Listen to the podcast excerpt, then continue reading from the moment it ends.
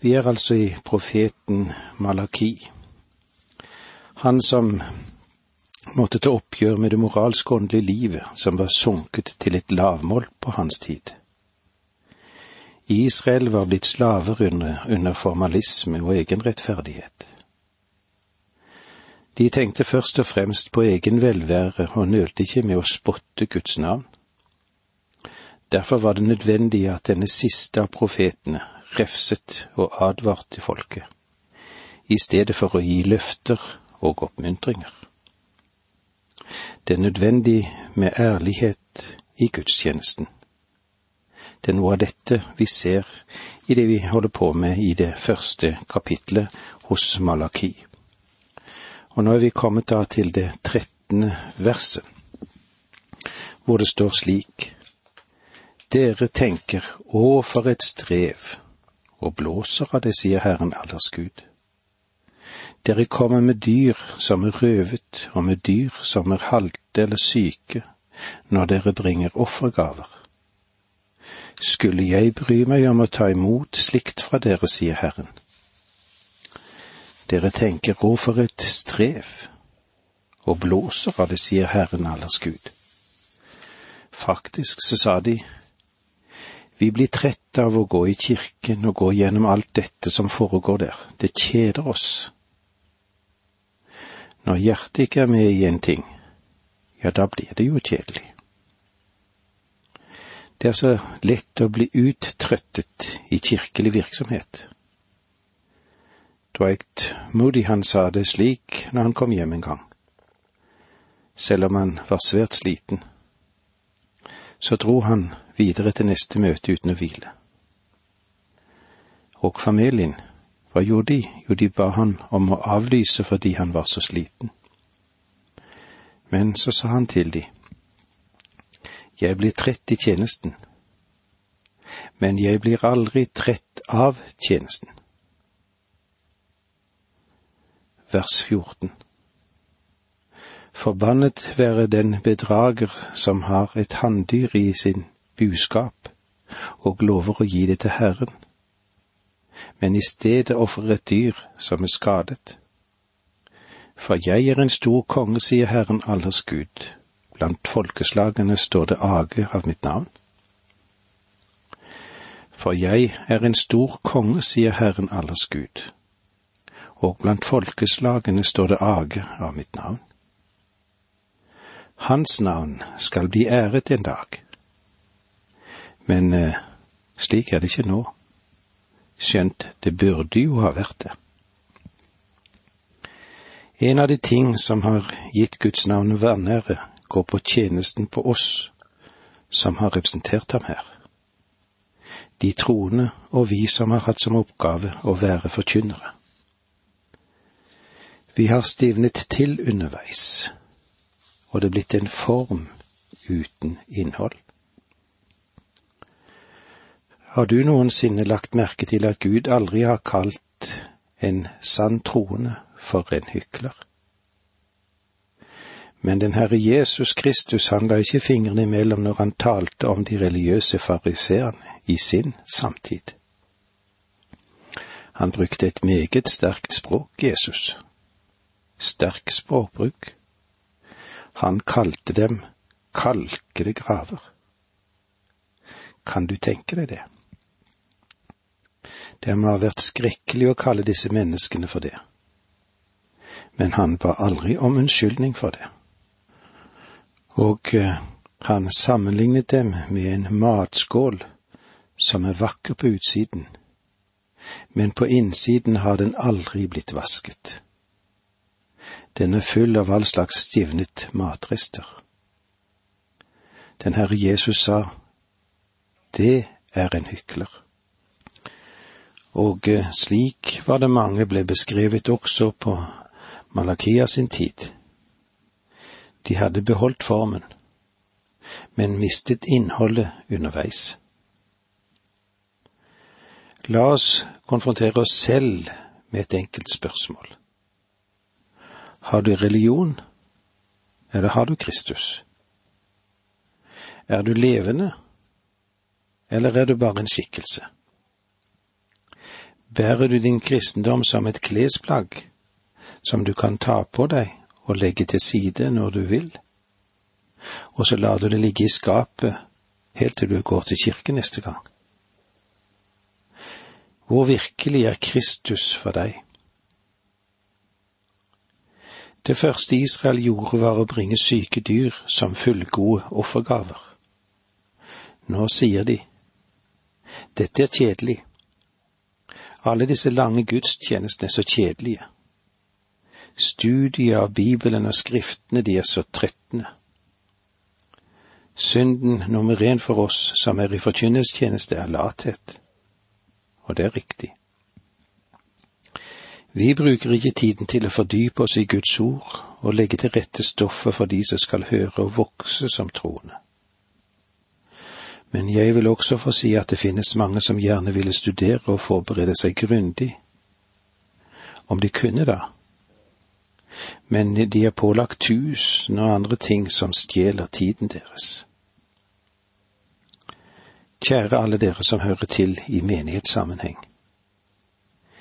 Gi presten din, forkynneren din, forstanderen din, pastoren din, tid til å fordype seg i Guds ord. Det er den beste hindring mot at Guds ord blir kjedelig. Den åndelige tilbedelse blir trettende for israelsfolket fordi de ikke elsket Guds ord. Du må elske ordet. Og det er på dette punkt at Bibelen er annerledes enn alle de andre bøkene som finnes på vår jord enhver annen bok må du lese før du kan bli glad i den. Og du må forstå den før du kan bli glad i den. Men du må elske Guds ord før du kan forstå det. Guds ånd underviser ikke late mennesker. Den andre store synden i tjenesten er de personlige ambisjonene. Det kan gi seg utslag på så mange måter, det. Det er et ønske om å oppnå berømmelse, et ønske om å kunne tale til mange. Og eh, nå må vi ikke glemme Jesus. Det meste av sin tid talte han bare til tolv, til de tolv disiplene. Vår ambisjon og lengsel må være å forkynne sannhetens ord, enten det nå skjer til få eller til mange. I vers 14 står det Forbannet være den bedrager som har et hanndyr i sin buskap og lover å gi det til Herren, men isteden ofrer et dyr som er skadet. Her er noe annet menneskene gjør. De gir Gud løfter, og så følger de dem ikke opp. Vi møter det både i Tredje Mosebok og i ordspråkene, at Gud ikke ønsker at vi skal love ham noe uten at vi mener det. Om du lover å gjøre noe for Gud, så er det best at du holder det. For Gud tar ditt løfte alvorlig. Han ber deg ikke om å avlegge et løfte. Det er frivillig. Men har du først gitt et løfte, så sørg for at du holder det. Det var mennesker i Israel som demonstrerte høylytt og sa. Det ser ut til at vi får en rik høst dette året. Jeg vil ikke bare gi Herren en tidel, men i tillegg vil jeg også gi en hel del frivillige gaver til ham. Men når høsten var berget, og det ble bedre enn på mange år, så besluttet de seg til å beholde det for seg selv. De bestemte seg for at de likevel ikke ville gi mer enn høyst nødvendig til Herren. I stedet ofret de Gud det skadede, det lamme, det syke. Skulle det være slik hos oss? Det var så langt vi kom i dag. Takk for nå, må Gud være med deg. Dette undervisningsprogrammet består av to deler. Åge Nevland fortsetter nå med andre del av dagens undervisning. Vi er i profeten Malaki, den siste profetboken som vi har i Det gamle testamentet, den som har så mye å gi oss, og han setter tingene på plass og i perspektiv. Vi er nå kommet til det andre kapitlet, og som overskrift over det vi tar for oss nå, er Prestene anklages for versliggjøring. I dette kapitlet kommer vi til andre sider av saken, men alt sammen dreier seg fremdeles om prestene. Gud anklager prestene for at de gjør de hellige tingene vanhellig. I stedet for å tjene Gud, så motarbeider de ham, og de ringaktet Gud gjennom selve den tjenesten de utførte i tempelet. I det første kapitlet så vi at prestene ringaktet Guds navn. Der nevnte jeg de gamle syke kyrne som de presterte og ga som offer til Gud. Det som egentlig var fordømmende i denne handlingen, var at de ikke lot de verdløse offergavene slippe igjennom som en fullgod offergave til Gud men senere ville han stille et svært så direkte spørsmål som har å gjøre med det innerste i denne saken. Skal et menneske røve fra Gud? Og her ligger ikke vekten på verdien av offeret, men på offerets karakter, det offer som blir plassert på alteret. Leser du Tredje Mosebok, vil du se at det er nevnt fem forskjellige store ofringer. Og hver av dem, de peker hen på Jesus Kristus. Hver av disse ofringene skulle representere ham som skulle komme. Og han som skulle komme, han var hellig. Han var ren. Han var uten flekk eller lyte. Han var uten synd. Han var fullkommen, og derfor må det offer som representerte og pekte på ham, være uten lyte. Det skulle være som en vellukt som pekte mot Guds sønn.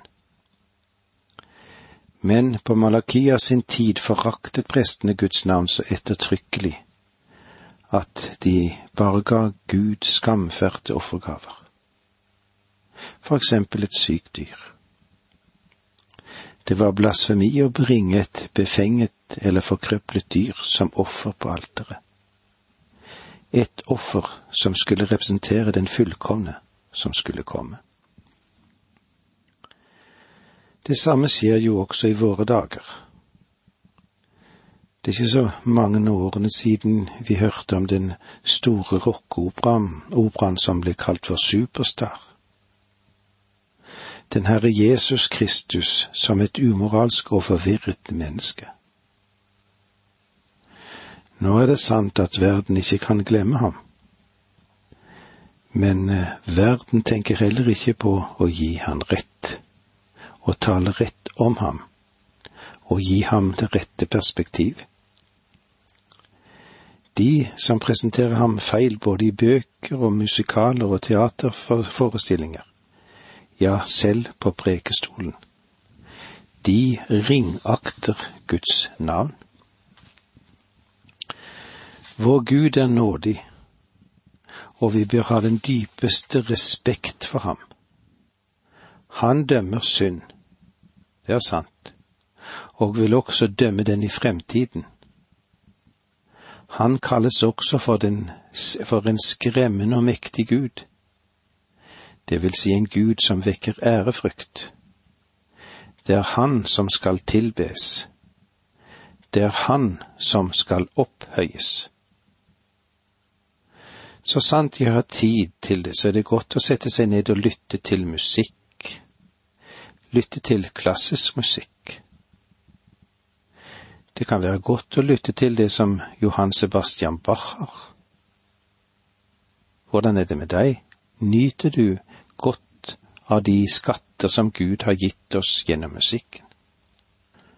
Og omtrent hver gang Jeg lytter til hans musikk. Ja, så tenker jeg på hva han har skrevet på sine første ark, disse mektige ordene. Alene til Guds ære. Soli deo gloria. Det at vi lite priser Gud og i stedet priser mennesker, er også et uttrykk for at vi, selv i de beste kristne kretser, ringakter Guds navn. Siden alle sanne troende er prester i den tid som vi lever i, så har denne profetien av Malaki, som er rettet mot prestene, en dypere liggende mening for oss. I kapittel 1, vers 6 henvis, henvender Gud seg til prestene og anklager dem for å ringakte hans navn. Og nå i dette kapittelet, altså kapittel to, vers én, henvender han seg de, til de enda en gang. Vi leser det første verset i kapittel to. Og nå, dere prester, kommer dette bud til dere. Så her merker du at fremdeles at han har med de religiøse lederne å gjøre. Han har å gjøre med prestene. Vers to. Vil dere ikke høre og ikke legge dere dette på sinne slik at dere ærer mitt navn, sier Herren Allers Gud. Sender jeg forbannelse mot dere. Jeg gjør din velsignelse om til forbannelse, ja, jeg gjør den til forbannelse fordi dere ikke tar dette til hjertet. De tok med andre ord ikke tjenesten sin på alvor.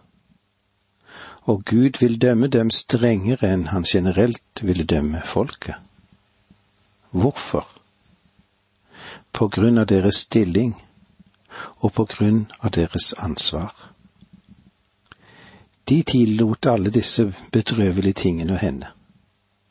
De lukket øynene for det faktum at folket brakte lamme og syke dyr som offergaver. Gud hadde gitt dem sannhetens lov, men de underviste ikke folket om den. Og til oss som er forkynnere, som skal bære budskapet frem, enten det nå er på heltid eller deltid, så vil jeg gjerne få lov til å si. Den som er meget gitt, av han skal det meget kreves. Det er mindre drastisk å være en ukristelig kjeltring på jorden enn å være en av Herrens tjenere med et vantro hjerte, som ikke gir folket Guds ord i sin fulle bredde og dybde. Gud vil holde oss ansvarlige for et budskap vi fikk til å forvalte. Vers tre Se, jeg vil true deres ett avfall av offerdyr etter festene deres kaste i ansiktet på dere, og med det skal dere bæres bort. Se, jeg vil true deres ett. Det frafall som nå foregår i slektledd, der taler Malakiet om å ta de konsekvenser som er for den nye generasjonen som vokser opp. Vi taler om hvilke negative konsekvenser det har at vi ikke forvalter jordens naturlige ressurser for våre etterkommere.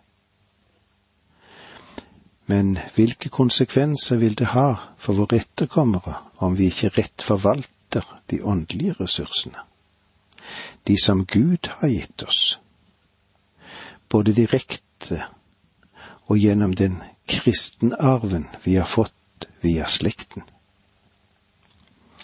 avfall av offerdyr etter festene deres kaster i ansiktet på dere. Dette betyr egentlig at prestene blir urene, og erklæres av Gud til å være urene og ikke tjenlige for den oppgaven de har fått og det de var satt til. Gjennom det som beskrives her, er de ikke i stand til å tjene ved hans alter. Hvorfor? Fordi intet uren kan komme dit, og de vil sannelig være urene. Det er i sannhet et sterkt språk Gud bruker her. Forbannelsen, den lyder over de som prøver å bedra Herren ved svik. Herren er stor. Han er verdens herre. Holdningen til prestene avslører at de ikke kjenner den Gud de dyrker. Den som spotter Gud, han rammes av forbannelsen.